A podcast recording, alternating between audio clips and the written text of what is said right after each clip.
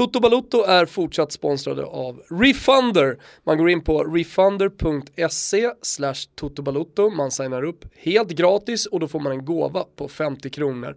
Och vad är då Refunder Gusten? Jo, det är en tjänst som ger återbäring till alla som näthandlar på någon av de drygt 600 butiker som är kopplade till refunder.se. Man eh, shoppar precis som vanligt alltså, bara att man får cash tillbaka. Så att jag tycker att det är en väldigt, väldigt bra tjänst. Och det verkar ju dumt om man nu ändå ska handla lite kläder, en resa, en ny dator eller vad det nu kan vara att inte då göra det genom Toto Baluttos sajt på refunder.se för då får man alltså cash tillbaks. Ja, exakt, så, så länge man inte är med på Refunder, så länge man inte har signat upp och det är dessutom gratis, ja då går man miste om pengar. Gör inte det hörni. Gå in på refunder.se slash tuttobalutto, signa upp. Nu kör vi Toto Balutto.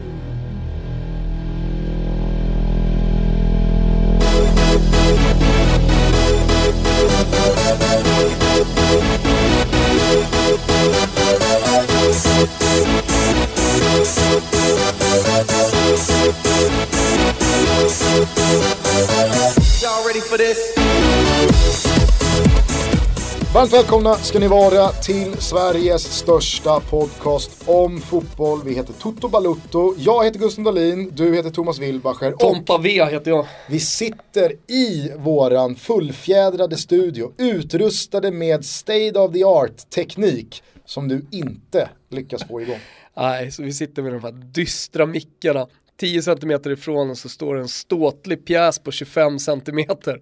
Men den får man inte eh, röra. Inga konnotationer i övrigt. Där. Inte Nej. överhuvudtaget. Nej, det är såklart trist. Men vi, vi kan väl nu lova att från och med nästa vecka så är vi tillbaka på toppkrispigt ljud. Ja, alltså jag känner att vi tappar lyssnare för varje vecka vi sitter med det här skitljudet. Men eh, som du säger Gustav, vi, vi är snart tillbaka. Nu kör vi lite fotboll va? Kan inte du bara börja alltihopa?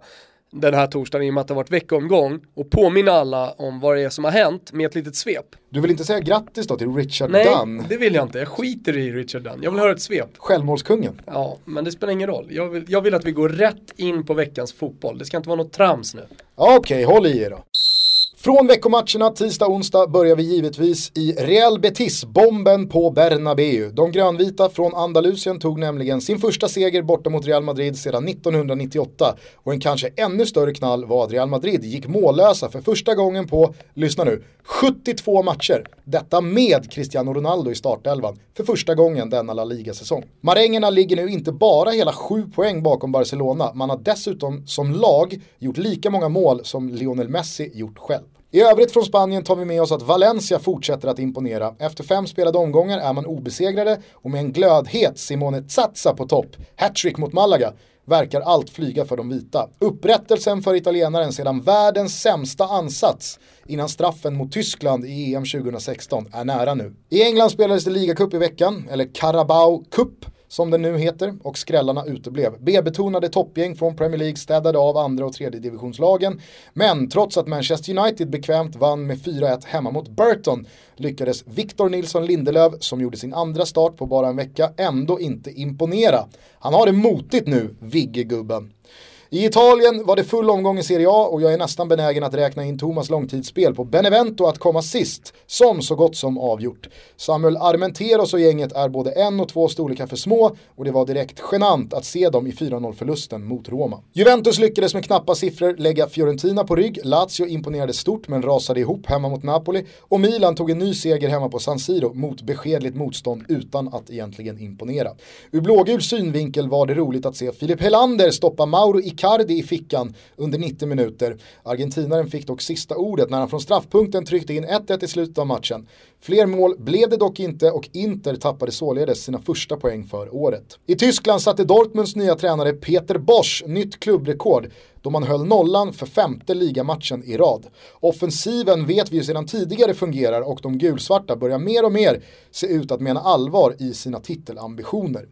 Vi var många som efter Werder Bremens alldeles fenomenala vårsäsong trodde att Ludvig Augustinsson kommit till en kanonadress. Men de grönvita sladdar rejält. Man är efter fem matcher fortfarande segerlösa och nu börjar goda råd bli dyra. Ett annat tyst grönvitt lag som däremot redan agerat på tränarbänken är Wolfsburg Huvudansvarige Jonker med assisterande Fredrik Ljungberg bredvid sig fick gå tidigare i veckan och Toto Balutto låter hälsa Jesp. Är det månne den svalaste tränarkarriär någonsin vi redan sett slockna?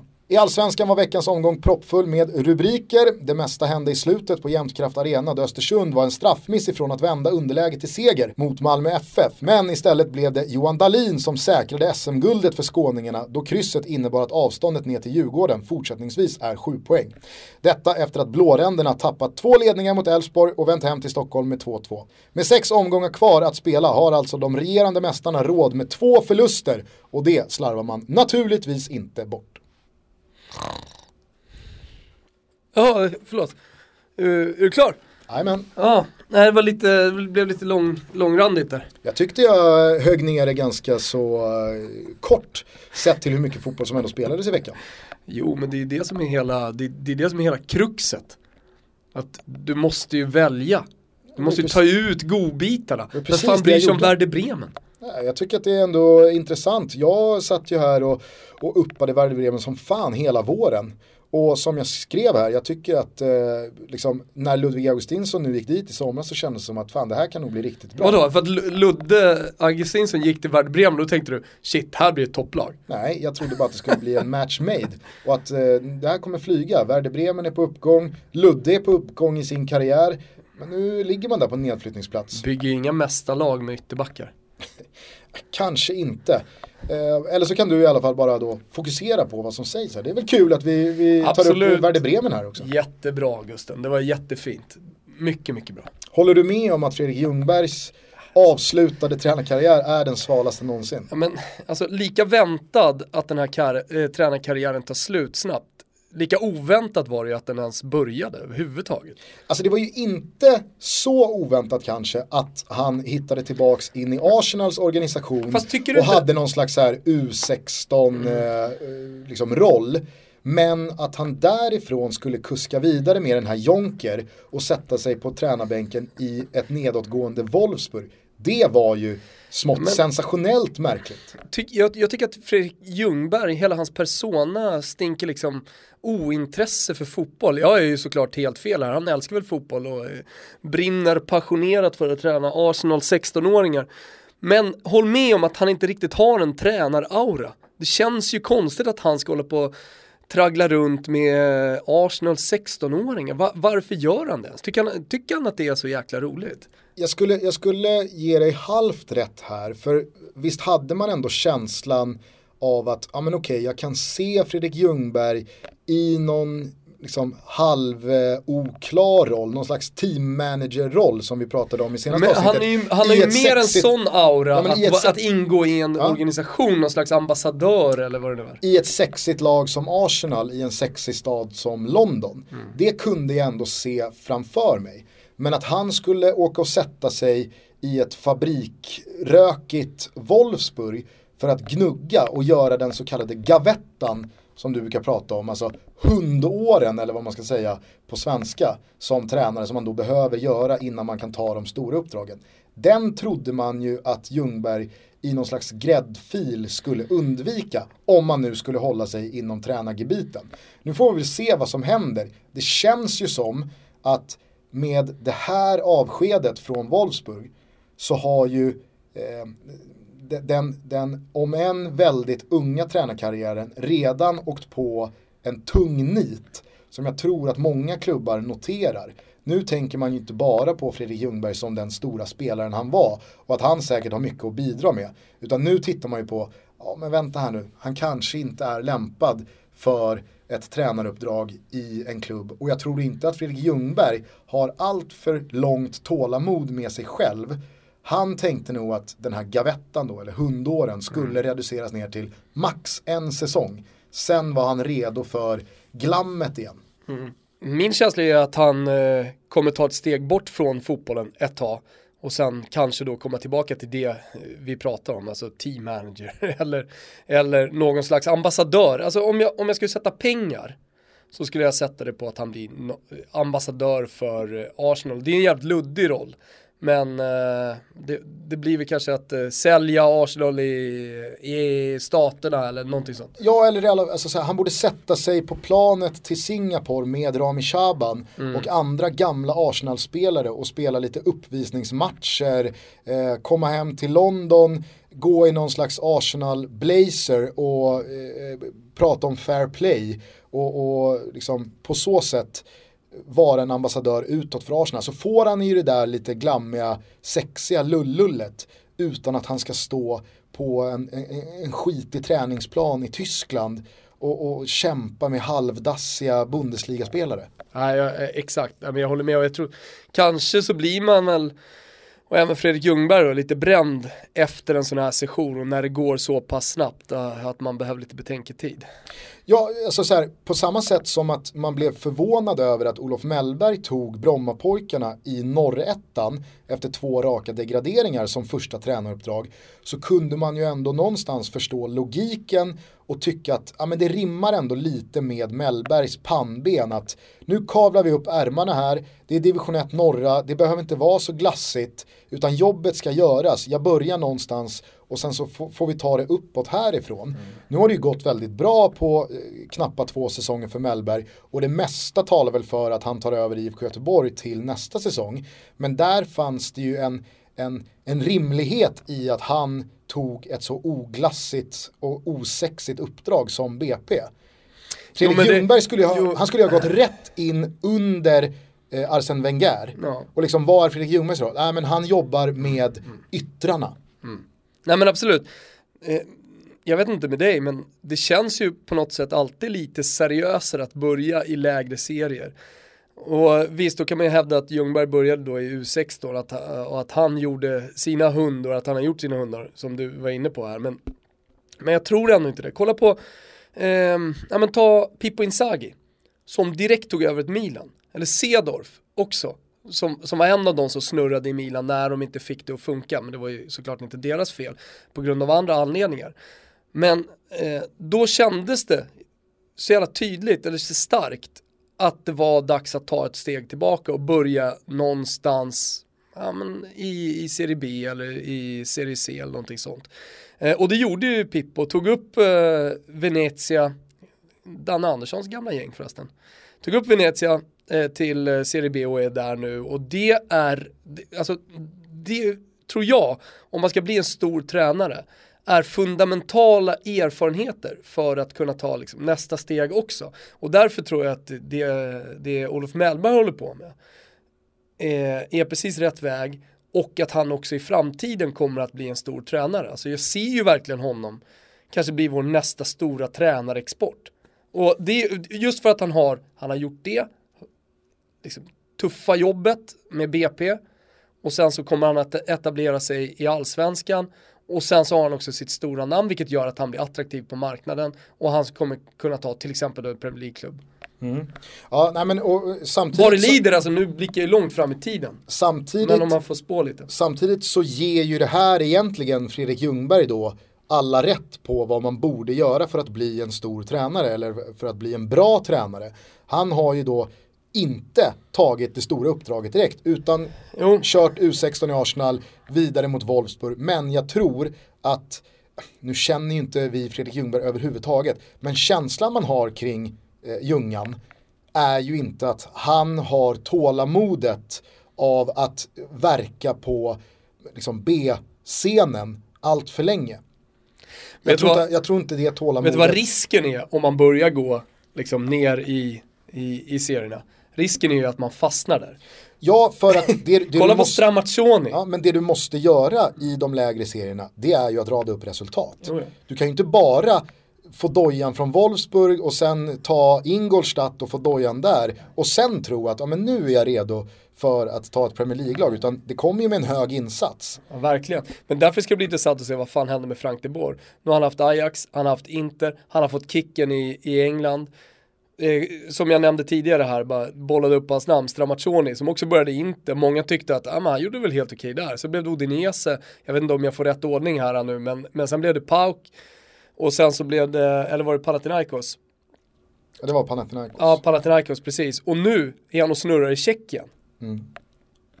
Ja, nej, som sagt, det är, det är hög insats för att nu är det dags att börja leverera med, med, med, med, med Praggänget.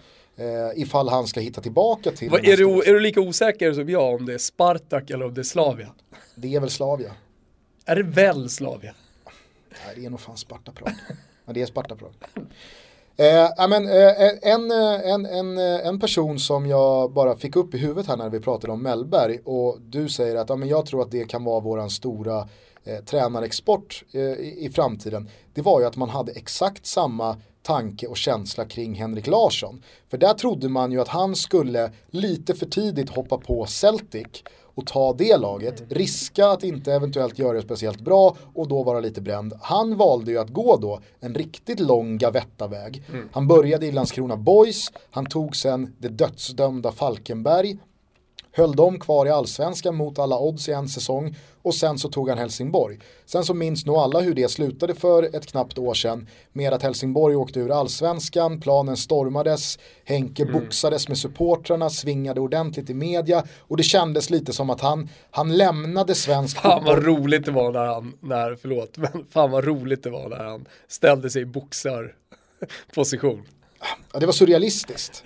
Var det. Så jävla bisarrt. Och den, den, den, den helt sjuka kryddan i det också var att han var pappa till då Jordan Larsson som blev attackerad av supporterna. Så man visste ju inte riktigt, är det tränaren Henrik Larsson som nu har fått nog av supporternas eh, attityd och eh, agerande eller är det pappan Henrik Larsson som bara skyddar sin son? Det blev någon märklig jävla mix där. Men frågan är...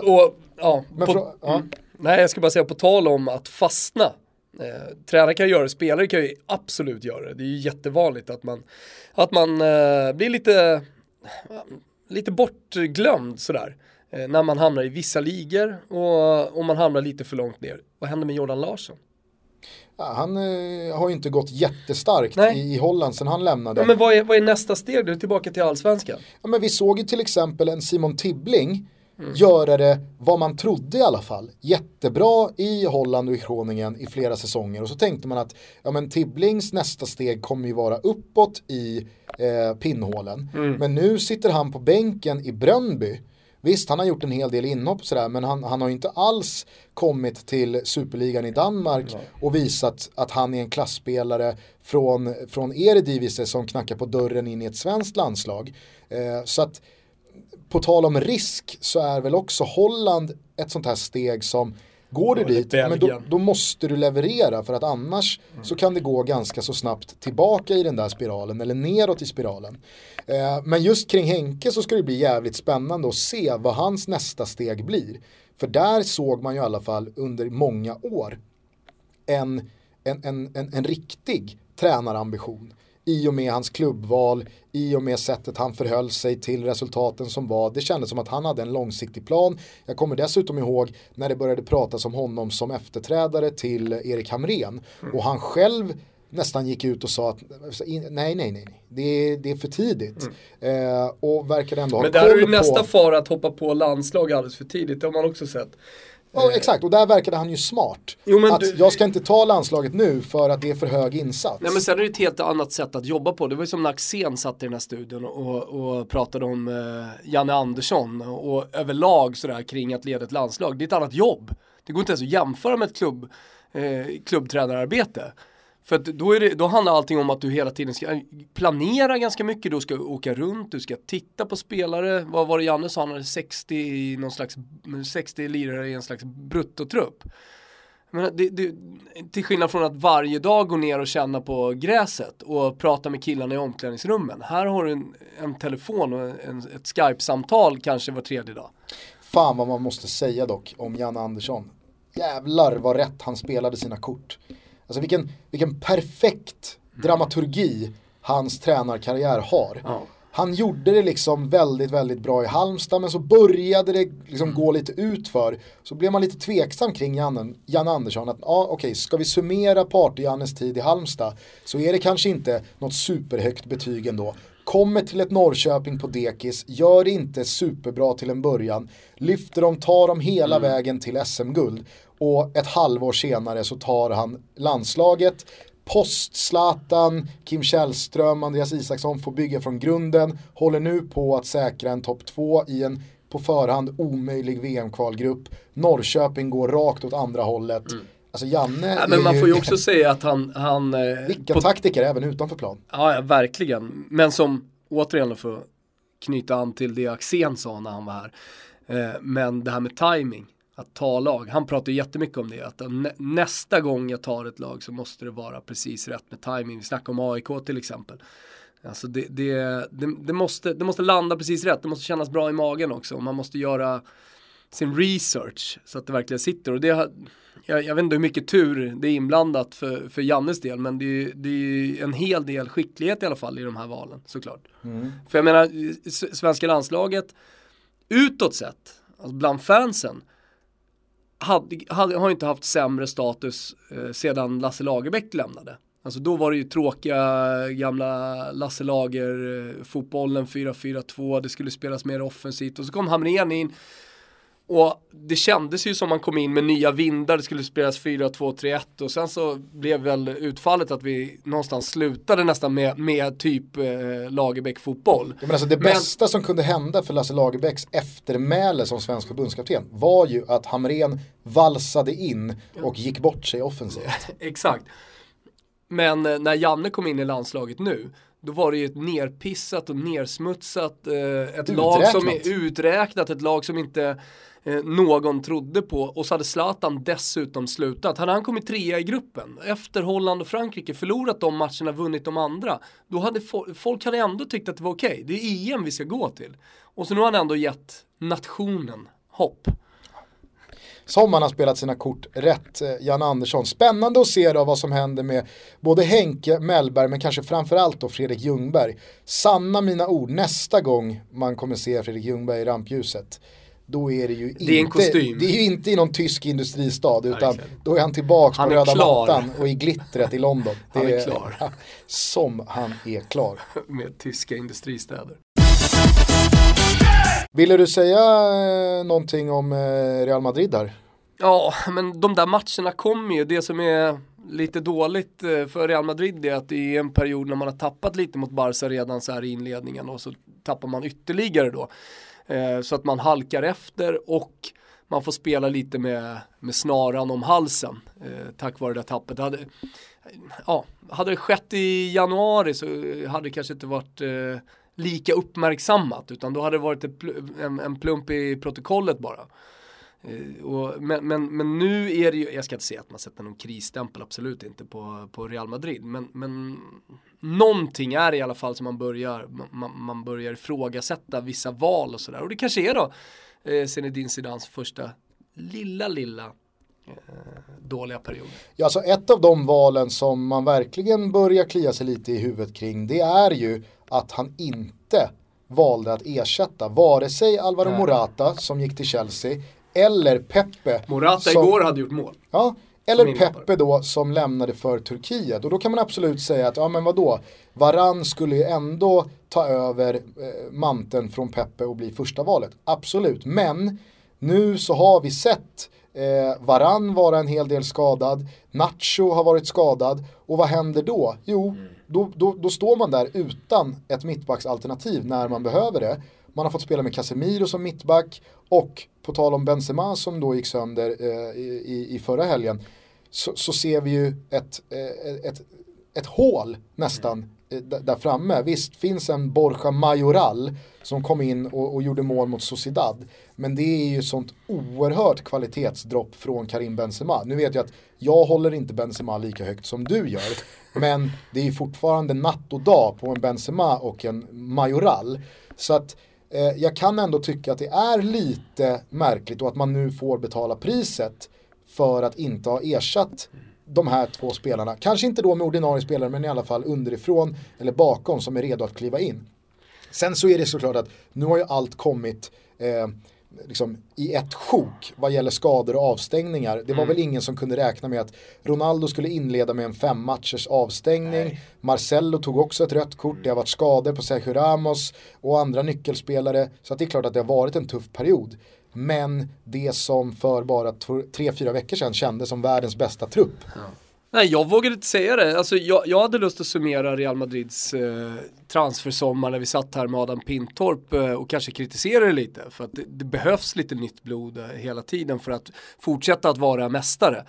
Och jag menar, ska man ta en tredje Champions League-titel och dessutom då eh, spöa Barca. Men tänk vad vinden vänder fort också Gusten. Tänk vad vinden vänder. Alltså, fan nästan som man satt och räknade ut Barca den här säsongen. Såg inte alls bra ut. Och kolla nu. Nu är det ju, ja men nu är de ju tillbaka där. Jäklar vad olikt dig det är att hänga ut en facit i hand-drule. nej, absolut. det brukar du inte göra. Nej, och jag vill egentligen Jag inte göra tänkte det. säga det. Nej, men, men låt mig säga så här, alltså, det, det är väl snarare en så här generell tanke som jag har kring mästarlag, kring storlag och vad de, hur de ska agera på marknaden. Nu, nu, nu tar jag på mig sportchefshatten här. Eh, som eh, eh en bättre Christian Borell. Men, men om jag nu skulle få vara sportchef för Real Madrid och man får leka lite så hade jag i alla fall agerat mer för jag tror att det behövs nytt blod, det behövs lite ja, men lite mer konkurrens på vissa positioner. Jag tror att Benzema till exempel hade, eller som du är inne på, hade mått bra av det. Det, det, det, är, väl, det är väl snarare det jag då hänger ut. Ja, nej, men eh, jag säger bara att det är olikt dig att räkna in någonting som du inte sa för tre veckor sedan. Mm. För att du hade tänkt att säga det. Det- Det är väldigt olikt dig. Ja. Eh, ja, jag skulle bara innan vi släpper den här matchen vilja lyfta lite Real Betis. Eh, fint Asså? klassiskt lag. Måste ju man säga, jag tror att det är många i, i min generation, alltså runt 30-strecket, som ändå hade en liten eh, grej för Betis i slutet på 90-talet, början på 2000-talet med då kanske framförallt De Nilsson. Eh, men eh, man såg ju även Joaquin ta sina första stapplande steg där. Han har ju slutit cirkeln sista. eh, och nu återvänt. Jag tror att han blev Real Betis äldsta målgörare i La Liga någonsin när han gjorde mål i, i, i förra omgången. Mycket statistik du sitter inne på eh, så här en torsdag Ja, Gustav. men jag tycker att, eh, jag tycker att eh, vi, vi också ska komma med sånt, inte bara åsikter eller saker vi hade tänkt att säga för tre veckor sedan men inte riktigt vågade säga. Jag tänker på en sak också. Det är att man har en 23-årig försvarare som heter Risa Durmisi och är dansk. Jag tycker att det mer och mer, fan bara senaste året, Ploppar upp har börjat danskar. ploppa upp Aha. danska Cornelius klasspelare. Christiansen, Chelsea. Jansen. Eh, du har då Durmisi som gör det jättebra i Real Betis. Du har Mm. Kasper Dolberg som slog igenom på bred front eh, förra säsongen i Ajax eh, som gick till Europa League-final. Eh, Christian Eriksen är ju redan där eh, på, på den eh, yttersta toppen. Men nej, jag vet inte, håller du med mig om att det börjar liksom ploppa Ja. upp danskar lite överallt? Nu får ju, du får ju lust att säga det igen Gusten. Alltså det är någonting som jag har tänkt på den senaste tiden. Men det är fan någonting jag har gått och tänkt på den senaste tiden, precis det du säger. Att det ploppar upp eh, kvalitetsdanskar. Så jag vet inte om du såg deras eh, eh, VM-kvalmatch på parken när de eh, piskade dit eh, Polen. Polen rejält. Jo, jag, jag hade ju eh, spel på Polen så det var ju en riktigt tung kväll. Ja, det var inte ens nära. Men, men den matchen, alltså fy fan vad bra de har det danskarna på parken. Det är sanslöst alltså. Vilket tryck det är. Nu var jag där, det var du också vet jag, när Sverige mötte Danmark eh, i playoffet då till EM. Eh, när, vi, när, vi, när Hamrén lyckades dribbla sig till, till det mästerskapet. Men eh, då var det ju dessutom ett uträknat Danmark, ett dåligt Danmark och ett Danmark som förlorade. Men ändå, det, det, det bubblade där inne. Bra arena självklart, men, men danskarna är, är riktigt bra på hemmaplan i alla fall. Och eh, jag tror att sånt, sånt spelar ju självklart jättestor roll i till exempel eh, en kvalmatch eh, mot Holland. Men jag tror också att det var i den matchen i alla fall mot Polen som eh, det verkligen slog mig. Fan vad mycket sköna lirare det finns. Ja, men och så finns det ju då en liten stomme med rutinerade spelare i form av Christian Eriksen, Simon Mm. Kjär, du har Kasper Schmeichel i mål.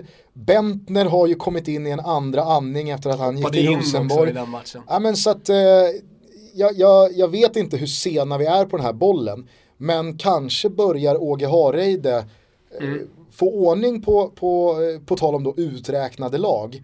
Ett Danmark som, eh, nu, nu ligger man ju ganska så pyrt till ja, i men gruppen. ligger lite Polen, knepigt till i alla Polen fall, leder ju, men- men playoffet lever ju i allra högsta grad. Ja.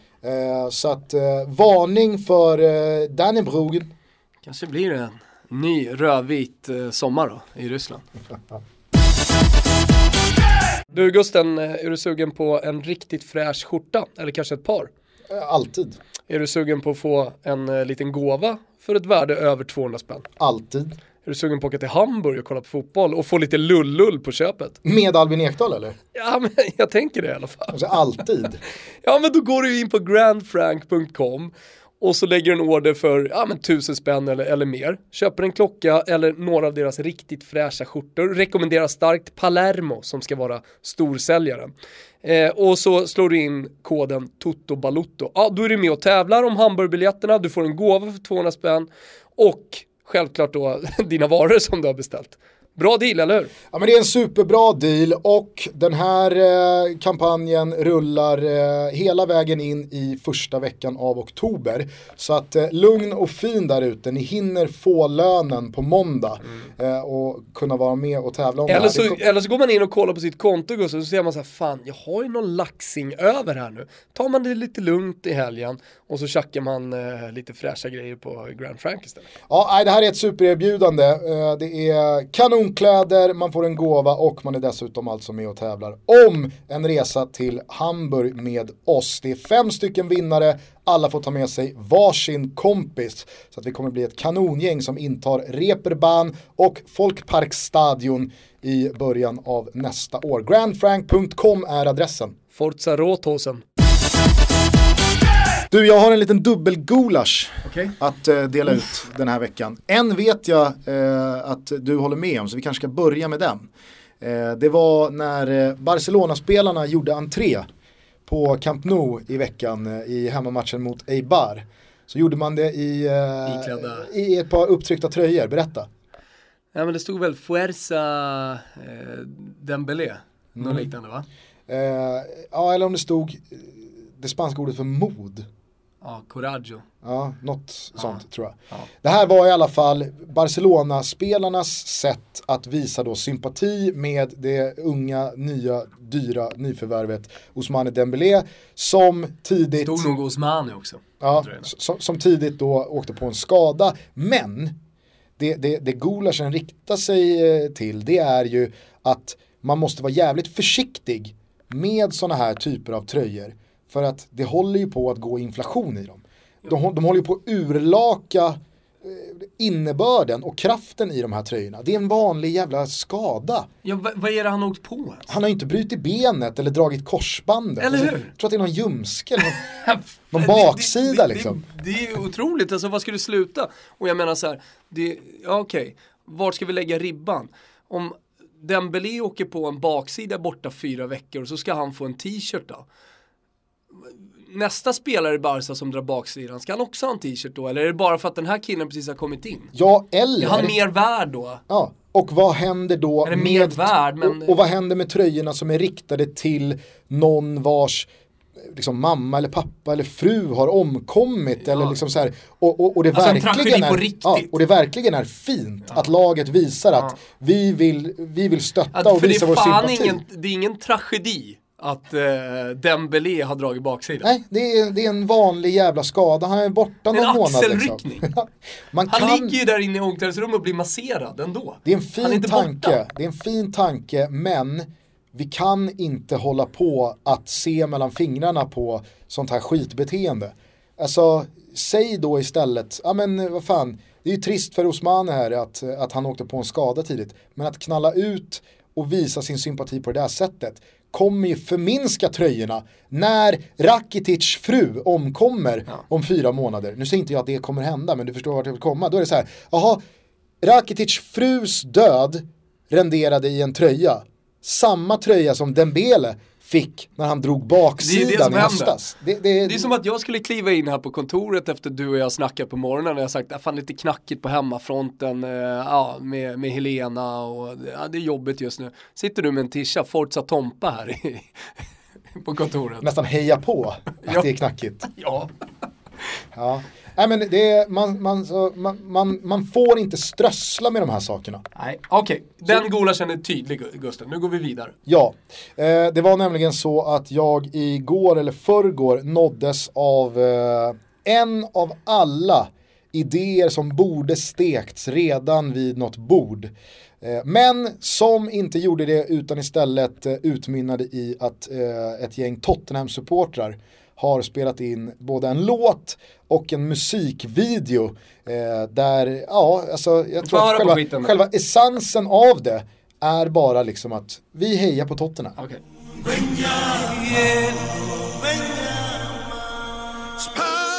Spontant eh, inledningsvis då bara, vad, vad, vad kände du när, du när du såg den här videon och hörde låten? Att det var fint. Jag gillar ju Lejonkungen. Ja. Alltså, att, att de har gjort en, en, eh, en cover på Lejonkungen och inte då skrivit Så bra en helt, på musik, jag tycker, jag tycker att det är lite stämningsfullt. Lite härligt. Det är någonting också lite, lite semirasistiskt att de börjar då, eh, när de kör den här liksom att de då kör Victor Wanyama som är från Kenya. Det, det, alltså jag vet inte, det kanske är bara en supergod tanke.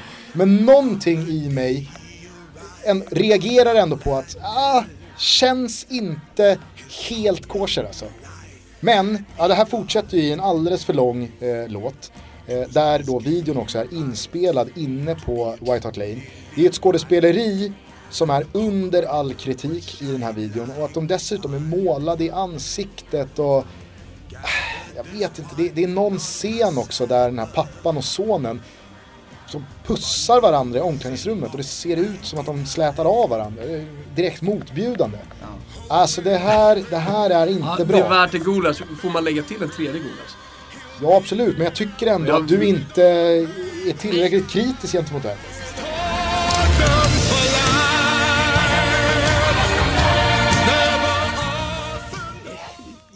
låt dem hålla på lite grann känner jag.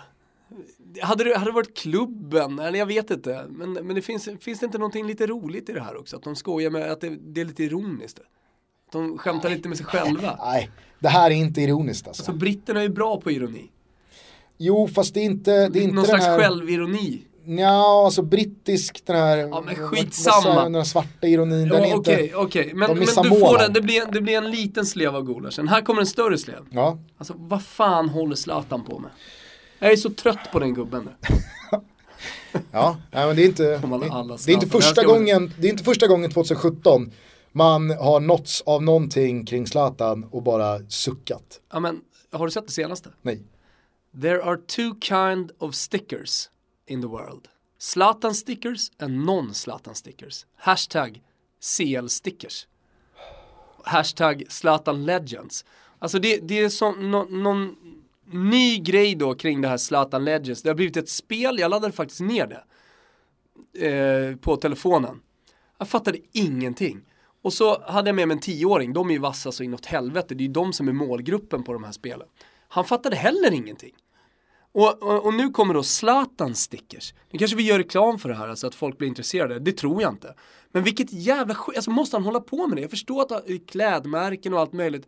Men Zlatan stickers. Vi kan väl i alla fall eh, direkt konstatera. Ska vi börja att, med stickers? Att, att, av alla bra och dåliga sådana här, det finns två typer av människor sägningar. De kan ju variera i liksom on point och det faller lite för att det inte är så bra sägning. Mm. Så är det här det sämsta man har hört. Vadå, det finns två typer av stickers. Zlatan-stickers och inte Zlatan-stickers. Det, det, är, det, det är den absolut det, sämsta, det finns det två vet, typer sägning jag någonsin hört. Det, det, man vet är att Zlatan har ju bara satt en autograf och han har väl typ accepterat något helt upplägg kring Zlatan Legends. Det kommer något spel, det kommer något stickers och så vidare. Så han har väl inget med det där att göra, utan det är väl maskineriet runt Zlatan som, som håller på med det här. Och han ägnar säkert inte en tanke åt det. Men det är ändå hans jävla underskrift som sitter på att de här grejerna kommer ut. Ja. Och jag, jag kommer ihåg jag skrev det i en krönika för, ja men inte så jävla länge sedan ändå. Att det är bara en tidsfråga innan Zlatan off-pitch är större än Zlatan on-pitch. Och alltså vi är ju där, nu. Just nu är vi där. Ja men jag hade, jag hade... Och det är för att han är skadad, jag är med, jag är med på det. det, det är enkelt att säga. Men jag, tro, jag, jag tror, jag tror nog fan att vi, vi inte kommer komma tillbaka kanske till Zlatan on pitch. Men vet du, vad jag, vet du vad jag känner att det verkligen är dags för nu? Eller vet du vad jag verkligen saknar?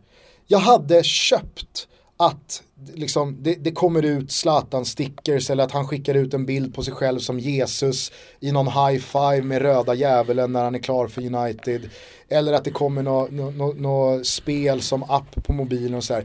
Jag hade liksom köpt det ifall det hade varvats med lite jävla vettiga saker. Ja, men, lite, men det är så länge sedan nu jag hörde Zlatan fan säga en enda sak som betyder någonting. Göra någonting som betyder någonting. Det var väl någonting. nej till rasism i ja, den här eller, storkampanjen. Ja, eller när han valde att henna tatuera massa namn över hela kroppen och gjorde mål då i PSGs riktiga ligamatch efter, drog av sig tröjan, visade upp hela den här tatuerade kroppen för att belysa att 805 mm. miljoner människor i världen lider av fattigdom och jag spelar för alla de namnen och, så, och, och det var liksom en, det var en, en PR-kampanj som var bara, alltså så här, det var bara att applådera. Fan vad snyggt genomfört, fan vad vettigt, fan vad kul att vår svenska lagkapten och våran största spelare genom tiderna gör någonting som betyder någonting, som gör lite skillnad, som är lite jävla vettig.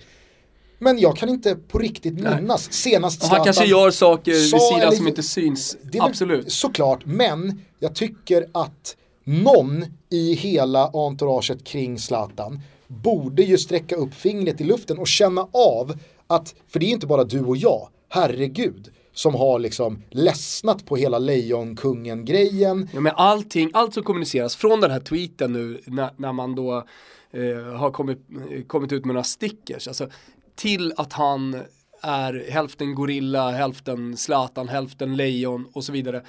Det, det, ju, det, det, finns ju någonting med hur, hur allting kommuniceras att det hela tiden är, det, det, finns en hybrisfaktor med hela tiden. Det finns bara Zlatan-stickers eller så finns det inga. Och han, han är gud och allt möjligt. Alltså det, det, jag gillar ju, och hela grejen är ju att det ska vara lite kaxigt. Och det kan man ju gilla när, när det finns någonting på planen också som på något sätt väger upp det där. Men när han inte ens är på planen, när, när han inte är med, då blir det så jävla svårt att ta till sig det och känna att det, det, det är någon övermänniska. Ja men för att sy ihop någon slags säck då kring det vi pratade om med, med de här svenska tränarna. Att man kan välja väg, antingen så tar man hundår i de lägre divisionerna eller så tar man de stora uppdragen. Båda valen är förenade med en hög insats. Så är det ju verkligen hög insats här nu från Zlatan. För att så som han har hållit på senaste ett och ett halvt åren, det är dags och det är läge här nu att komma tillbaks och leverera på planen. Mm. För om det här blir någon slags pyspunka, några inhopp och han gör inte så många mål, då faller ju allt det här platt. Mm. Kommer han däremot tillbaks och visar sig vara en av världens bästa anfallare igen och bombar in mål och sätter Lukaku på bänken och vinner titlar med United. Jag menar då är det ju bara för oss att hålla käften och hacka i oss där. Alltså, men fan vad jag längtar mm. efter att få se Zlatan som fotbollsspelare igen. Mm. Alltså så här, jag kanske inte ska gå så långt som att säga så här, lägg ner med det här, men börja i alla fall varva med lite jo. konkreta, riktiga ja. grejer. Men, men jag ska säga det och det vill jag vara extremt tydlig med. Det är att jag hoppas ju verkligen att han kommer tillbaka och är sådär jävla grym på planen som, som han har varit tidigare. Ja det gör jag med. Det råder ju liksom inga tvivel om, eller hur? Men jag det får inte råda några tvivel kring det. Men jag gör ju lika mycket av längtan att konsumera Zlatan som jo, fotbollsspelare igen och inte som seriefigur. Och det tror jag alla gör. Och jag är, jag är liksom stor supporter till Zlatan och jag har alltid tyckt om Zlatan och jag, jag, ja, men jag, jag, jag vidhåller verkligen att den här lite kaxigare attityden, den, den lite juggiga attityden som han har kört med under hela sin karriär har varit bra för svensk fotboll i sin helhet. Det har fått eh, andra yngre spelare liksom, som kanske har varit lite som honom som har blivit åsidosatta att eh, inspireras och fortsätta tro på sin grej. Så att, så att eh, det tycker jag är bra men, men nu, nu, har, nu har Zlatan Legends gått lite för långt. Ny helg, nya Toto-tripplar. Det är återigen ett eh, fullspäckat eh, matchutbud. Du har eh, som vanligt, får man väl säga, med framgång i det stora hela eh, landat i Italien. Exakt, jag utlovade ju, eftersom det var veckomgång så utlovade jag eh, en trippel eh, som föll på, gissa Gusten, följer på Kievo. Trots att Fio hade en man mindre mot Juventus på bortaplan så uh, lyckades de ju greja plus en och en halv, det vill säga att de hade ett handikapp uh, i, i mitt spel då. Men uh, ja, vi går vidare, två av tre i, i veckan. Nu det som var ironiskt med den trippen, det var ju att det du twittrade ut, alltså mm. i skrift, mm. den trippen satt ju, för där hade du ju Genoa Drono Bet. Ah, var det så? Men bilden du twittrade ut på din kupong, där hade du spelat Genoa rakt mot Kiev. Okej, okay. ah, ja men då vann ju folk. Om man följde din tweet ja, skriftmässigt. ja, hur ska de, ja, jo det är klart. Men det är i alla fall en gryende form, två av tre och nu siktar du ju på full pott. Ja men nu är det full pott i helgen, vi kan väl dra det lite kort då. Jag, jag stannade i Italien. Eh, nu har man ju ändå fått, tycker du inte det Gustav, man har fått lite grepp om eh, serien, man fått ett grepp om lagen. Alltså Milan hade mycket nytt, eh, Inter kändes också väldigt nytt med Spalletti, Juventus Alltså man vet ju var Juventus står, man vet ju vilken kraft och vilken kvalitet det finns i laget. Men, men ändå så, så känns det som att man, man har fått lite grepp om den här säsongen och om lagen. En sak som man har lärt sig, det är ju att Napoli kommer slakta eh, de här smålagen ganska enkelt. Alltså, nu är oddsen därefter, jag såg till exempel i helgen att det är två lina som man brukar säga. Alltså att du får, du får ju spela minus två och en halv på Napoli om du ska hitta något odds i stort sett. Men eh, mina spel eh, har jag hittat i ja, Juventus. Eh, jag fortsätter att tro på bortalaget, men kanske inte så mycket som att de ska vinna. Och i det här fallet så är det derby. Il derby della mole mellan Juve och eh, eh, Torino. Eh, Torinos jättefin form, de har verkligen kommit igång. Jag tror att de kommer vara med precis under eh, Champions League-platsen och slåss om en Europaplats. Eh, och eh, Juventus, ja det var tredje dagen, de roterar lite. Derbyt betyder kanske inte lika mycket för dem som det betyder för, för Toro. Så jag spelar Torino med handikapp, de kan förlora med ett mål mot Juventus, man vinner ändå på spelet. Mitt eh, andra spel är i Sampdoria Milan. Är det någonting man har sett är ju att den där backlinjen får inte riktigt Montella till. Även om det är klassspelare så läcker det. Eh, nu möter man ett Sampdoria med stort självförtroende på hemmaplan. Jag tror att de kommer attackera. Det kommer också öppna upp sig bakåt för Samp. Således, mycket mål. Jag har spelat över 2,5. Sista matchen, även den över 2,5. Hellas Verona, usla i år. De har ändå ett intressant anfall, de möter Lazio. Eh, och är det någonting Lazio kan så är det absolut att göra mål. Jag älskar deras offensiv med Simone Inzaghi. Jag tror att det här kommer bli en öppen tillställning. Eh, Hellas kommer göra allt för, för att få en seger inför hemmasupporterna. Så ja, allting talar för att det blir chansrikt. Över 2,5 även där. Okej, bra trippel. Jag eh, börjar också då med ett Det får över... vi se Gusten. Ja, men den känns bra på förhand. Ja. Eh, jag börjar också med ett överspel. Jag tror att det blir över 2,5 i mötet mellan Leicester och Liverpool. De här möttes ju i veckans ligacup. Då vann Leicester med 2-0 men det var två B-betonade lag som möttes. Nu kommer Liverpool med i princip full styrka förutom Sadio Mané som är avstängd. Jag tror således att Liverpool självklart kommer göra minst ett mål. Men det tror jag också Leicester kommer göra. Man är bra hemma mot de största lagen och där finns Mares, där finns Vardy och så vidare. Så att, eh, jag tror att båda lagen gör mål, men varför chansa? Låt det, gå, låt det bara gå över 2,5 så är jag nöjd. Jag tror att Everton vinner hemma mot Bournemouth. Everton har ju en tung resultatrad i ryggen, men då ska man komma ihåg att man alltså har mött Chelsea, Tottenham och eh, Manchester United i de tre senaste. Så att eh, där är jag inte speciellt orolig. Man vann i veckan med 3-0 mot eh, Sunderland, börjar se bättre ut, hemma mot Bournemouth vinner man bara. Och sen så tror jag att Inter eh, slaktar Genoa hemma på San Siro. Man fick ju bara 1-1 mot Bologna i veckan, således så tror jag att det är ett revanschsuget Inter som kommer göra processen kort mot ett Genoa som jag tycker eh, snarare bör rikta in sig på att ta sina poäng eh, på hemmaplan. Så att eh, det är min trippel. Ja, jag sneglade lite mot Inter kan jag väl säga också, men känner mig lite för osäker eh, efter det jag såg i, i veckan. Eh, men det är ju så med Spalletti, alltså vinner man, gör man en bra match, då vinner man ju med mer än ett mål i en sån här match, det tror jag helt klart. Ni hittar de här tuttotripplarna på Betsson.com under eh, godbitar och boostade odds. Insatsen är 148 kronor. Ni hashtaggar in dem på tuttotrippen på Twitter så är ni dessutom med och tävlar om allsvenska matchbiljetter. Puss och kram till Betsson. Du, eh, jag vet att du och jag pratade om det här efter att eh, Malmö hade rånat Djurgården på tre poäng på Tele2 i somras. Då sa jag någonting i stil med att Malmö är Sveriges bästa lag på att vinna fotbollsmatcher. Ja, och så var det ganska många då som gjorde sig lustiga över det faktum att, jaha, no shit Sherlock. Kolla i tabellen, de leder. Det är klart som fan de är bäst i Sverige på att vinna fotbollsmatcher. Men det är ju inte riktigt det simpla faktum jag menar, utan det finns ju lag som är bättre än andra, trots att man kanske inte är spelmässigt så jävla mycket bättre än andra. Eh, vare sig taktiskt eller individuellt eller tekniskt eller vad det nu må vara. Eh, så finns det lag som är bättre än andra på att, att sy ihop säcken, att göra det där målet. Att, att hela tiden drivas av en tro på att vi kommer lösa det här.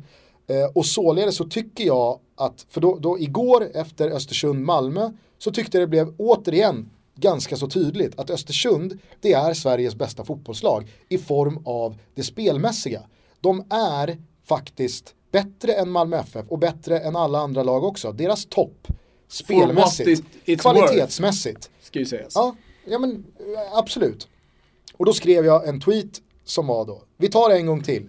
Östersund är Sveriges bästa fotbollslag. Malmö FF är det lag i Sverige som är bäst på Fast att vinna fotbollsmatcher. det beror ju på du, hur, hur, du värderar Sveriges bästa fotbollslag. Alltså det är ju ganska brett. Alltså du, du kan ju säga att vara bäst på fotboll är att vinna eh, mest matcher. Självklart. Ja, det, det, men, det, men du hade kunnat vara tydligare och sagt att de spelar liksom, det är Twitter. Det är 140 tecken man har jo, att jobba med. Absolut. Min poäng är att ett Alltså, men det är ju en dålig tweet, förstår du? Jag menar, den, den går ju lätt att missförstå. Ja, eller så kan alla Malmö FF Du måste ju fattat att folk andra... skulle hackat på det när du väl skrev det. Jo, såklart, men då tycker jag Det är ju en usel. Man...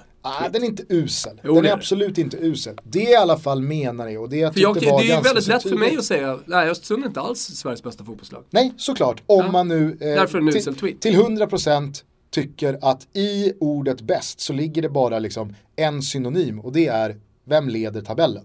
Mm. Ja, absolut. På så sätt är den ju usel. Men man måste ju kunna tänka steget längre. Att det är ju inte alltid att det bästa laget vinner. Så är det ju inte. Och de som menar annat. Uh, jag, jag vet inte vad Axén skulle säga om det. Nej, verkligen. Nej. Och eh, liksom, Niklas Jarelind är väl en annan eh, som går långt fram i leden av de som menar att det finns inga orättvisa segrar. Eh, Martin Åslund är väl en annan också. Att eh, har du vunnit, då har du varit bäst. Prickar du innerribba, stolpe, stolpe, målvaktens huvud ut, ja då har du skjutit lite för dåligt. Ja. Och jag vill mena på att det alltid finns eh, nyanser. Det är väl klart att matchens bästa lag behöver inte avgå med segern. Däremot så är det ju ofta så att över en, eh, över en serie som är 38 omgångar eller 30 omgångar som det är i allsvenskan så är det klart att det bästa laget eh, vinner. Mm. Men när det kommer till de här två lagen, Östersund och Malmö, så tyckte jag att den här tweeten var klockren igår. För att jag tycker att Östersund är ett bättre den var fotbollslag. Inte kan vi inte bara konstatera det? Okej, okay, vi konstaterar det. Men att Malmö FF är ett bättre lag på att vinna fotbollsmatcher. Ja. Och då var det någon som gav då motbudet. Ja men det är lite som med Napoli och Juventus. Mm. Och det tyckte jag var en ganska bra, liksom, ah, här har vi någon som har fattat lite vad jag menar. Mm. För jag tycker att Napoli är ett bättre fotbollslag än Juventus. Men Juventus är bättre på där, att ja. vinna fotbollsmatcher än Napoli. Ja, ja, vi fattar vad du menar. Jag tror alla fattar vad du menar. Ja, vad bra. Det är som att, det är som att säga då liksom så att skulle man bryta ut det här till spelare så är det som att säga att ja, men, eh, de bästa jo. spelarna är de som vinner. Så är det ju inte. Fast du kan inte heller bryta ner det på spelare. Det är klart du inte kan göra det. Fast det är väl klart. Nej, det kan du inte alls göra. Det är väl klart. Nej. Med den logiken så ska Nej, det vara det så att göra, vem, har vunn, vem har vunnit mest? Ah, ja. han är bäst. Jo. Nej, det kan du inte göra, inte på spelarnivå. Nej. Det är två olika saker. Och vad är För jag menar, gör du, tio, gör du tio mål i Gävle och gör du 10 mål i eh, ett eh, totalt dominerande Malmö FF så är de här 10 målen i Gävle betydligt mer värda för de, de, skapar mindre chanser och det går, det går helt enkelt att bara kolla på statistiken. Så att, nej det går inte. Fast jag tycker inte att det är en motsättning. Nej okej, okay. men då får du inte tycka det. Och jag vill vara tydlig med. jag har med mig hela Toto Balutto här. Att jag tycker verkligen. Hela miljoner är på min sida. Jag tycker verkligen att om nu bäst innebär att eh, vinna så är Malmö FF Sveriges bästa fotbollslag. Men återigen då. Östersund har en växel som inget annat svenskt ja. lag har. Ja, men det du vill säga egentligen det är att du tycker att de spelar en jävla fin fotboll och du, det är härligt att se Östersund och så vill du få, få mer folk med på Östersundsbåten. Jag, jag fattar grejen Gusten. Nu går vi vidare. Såg du Hertha Berlins Vi måste scout. sluta prata gott om Östersund i den här Kanske. Men du är ju med på tåget här nu. Det är bara för att du vill ha Kindlund, Kindberg eller vad han heter, Kindberg. ordförande. Ja, du vill ha med honom i podden. Det är därför. Såg du eh, Hertha Berlins Östersund-scout igår på Jämtkraft Arenas läktare? Vilket jävla drömknull alltså. Jaså? Alltså, kanske den snyggaste mannen jag sett på Hertha fem Berlin. år. Ja. Och då zoomar de in honom? Ja, zoomar in honom för att liksom då eh, visa att här sitter, va? Är det Ghoddos? Vadå Ghoddos? Ja, men du sa ju att Hertha Berlin var där och scoutade. För att de möts på torsdag. Ja, ja. ja. God morgon. Ja, ja. Nej, men jag, tro, jag, jag trodde faktiskt helt ärligt att det var en veckas till uppehåll. Det har varit så mycket fotboll. Ja, men det är det ju inte. Nej, nu är det dags nej. igen. Ja. Nu är det nej. dags igen för Östersund eh, att där, spela Europa League. Det där har varit väldigt enkelt för oss att klippa bort. Men nu visar vi också att vi har brister här i Toto Balotto.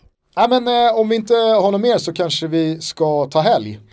Vi ska ta helg, eh, vi ska som vanligt såklart se en jävla massa fotboll här på, på kontoret. Men så vill vi också rikta oss till alla ni som lyssnar och säga stort tack från eh, botten av våra hjärtan. Fortsätt lyssna, fortsätt sprid vårt gospel, hör av er till en vän, till syrran, till farsan som inte lyssnar och, och berätta om oss.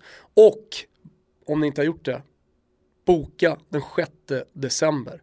För då intar vi, ska vi säga det eller, Oscarsteatern. Jag tror att eh, tränade ögon där ute mm. kunde nog se att det var Oscarsteatern mm. som vi eh, var på ett litet studiebesök hos igår. Jag ville ha Hovet, Gugge fick välja i slutändan, det blev Oscarsteatern. Tusen platser kommer att finnas, vi kommer snart börja sälja biljetter till det hundrade avsnittet och eh, det är ett avsnitt som bara kommer köras live, vi kommer inte rulla ut det så att eh, det blir de tusen personerna som kommer dit eh, som får, får njuta av det där och förhoppningsvis njuta av det.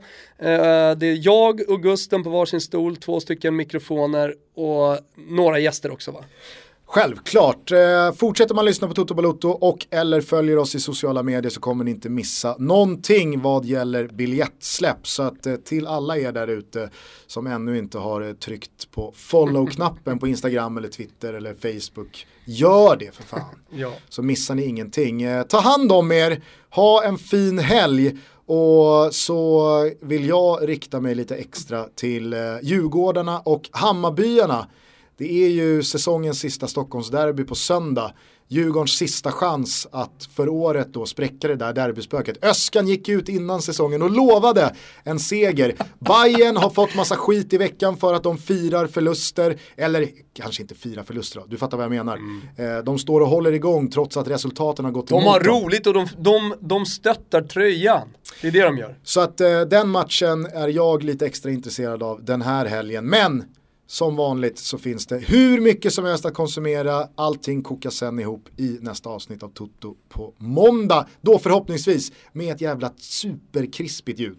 Förhoppningsvis. Som om det inte fanns en morgondag Gusten, går vi in i den här helgen. Ja.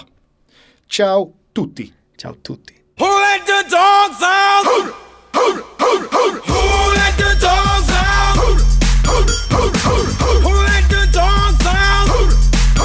Who let the dogs out? Well, the party was nice, the party was pumping. Hey, yeah. And everybody having a ball. Hey, hey. Until the fellas started name calling. And the girls respond to the call. I hear a boom and shout out. Who let the dogs out? Who let the dogs out? Who, let the? I see the dance people had a balcony. She Billy Bond and stepped. Get back, Gruffy. Bash, Gruffy. Get back, you flea infested mongrel. Gonna tell myself I man, no get angry. Hey, yeah, yeah, yo. Two Eddie cows calling them K9. Hey, but they tell me, hey man, start up the party. You put a woman in front and a man behind. I heard a woman shout out, Who let the dogs out? Who let the dogs out? Who let the dogs out? Who let the dogs out? say, a doggy is nothing if he don't have a Oh, doggy, hold your bone. Oh, doggy, hold it. Doggy is nothing if he don't have a bone. Oh, doggy, hold your. Oh, doggy, hold it. Who let the dogs out? Who let the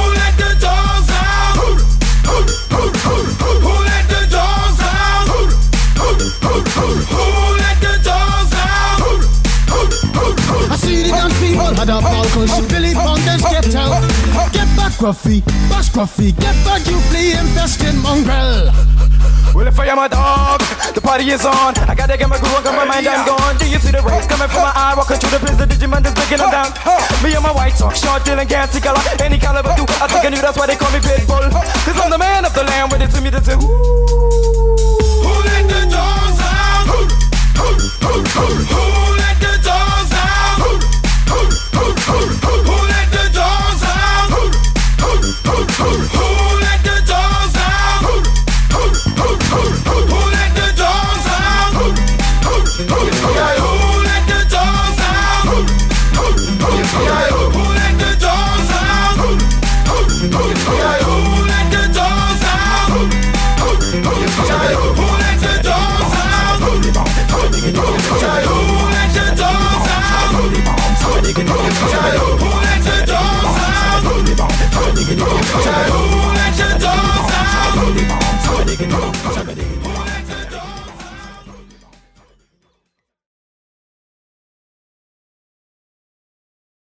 Dinner time. Är det dinner time igen? Dinner time! Se. Du ser. Han har varit med Fonja. Vet du en Fonja? Du har ingen koll på det här. Fognini. Nej. Tennisspelare. Aha. Alltså så jävla väntat att uh, också Crescito gillar andra sporter och hänger med andra idrottare. Är det inte eh, lite syn på ifall det där är ett riktigt slott? Eller en riktig byggnad? Ja men det är väl det är inte så typiskt ryskt. Nej, Men du menar att det är green screen? Exakt, green screen eller en tavla liksom. Den här backdrop. Har han är- med lite sådana här bildsvep. Han har ju insett att man kan lägga in flera bilder då i en på Insta. Vad kör han i glaset? Kör ju- Det är någon sån här hallon... Ja, det är någon... Uh, senza alcohol, per favore. Va? Ja, senza alcohol. Då vet man att Fognini, han körde ju bara, vad fan snackar de om?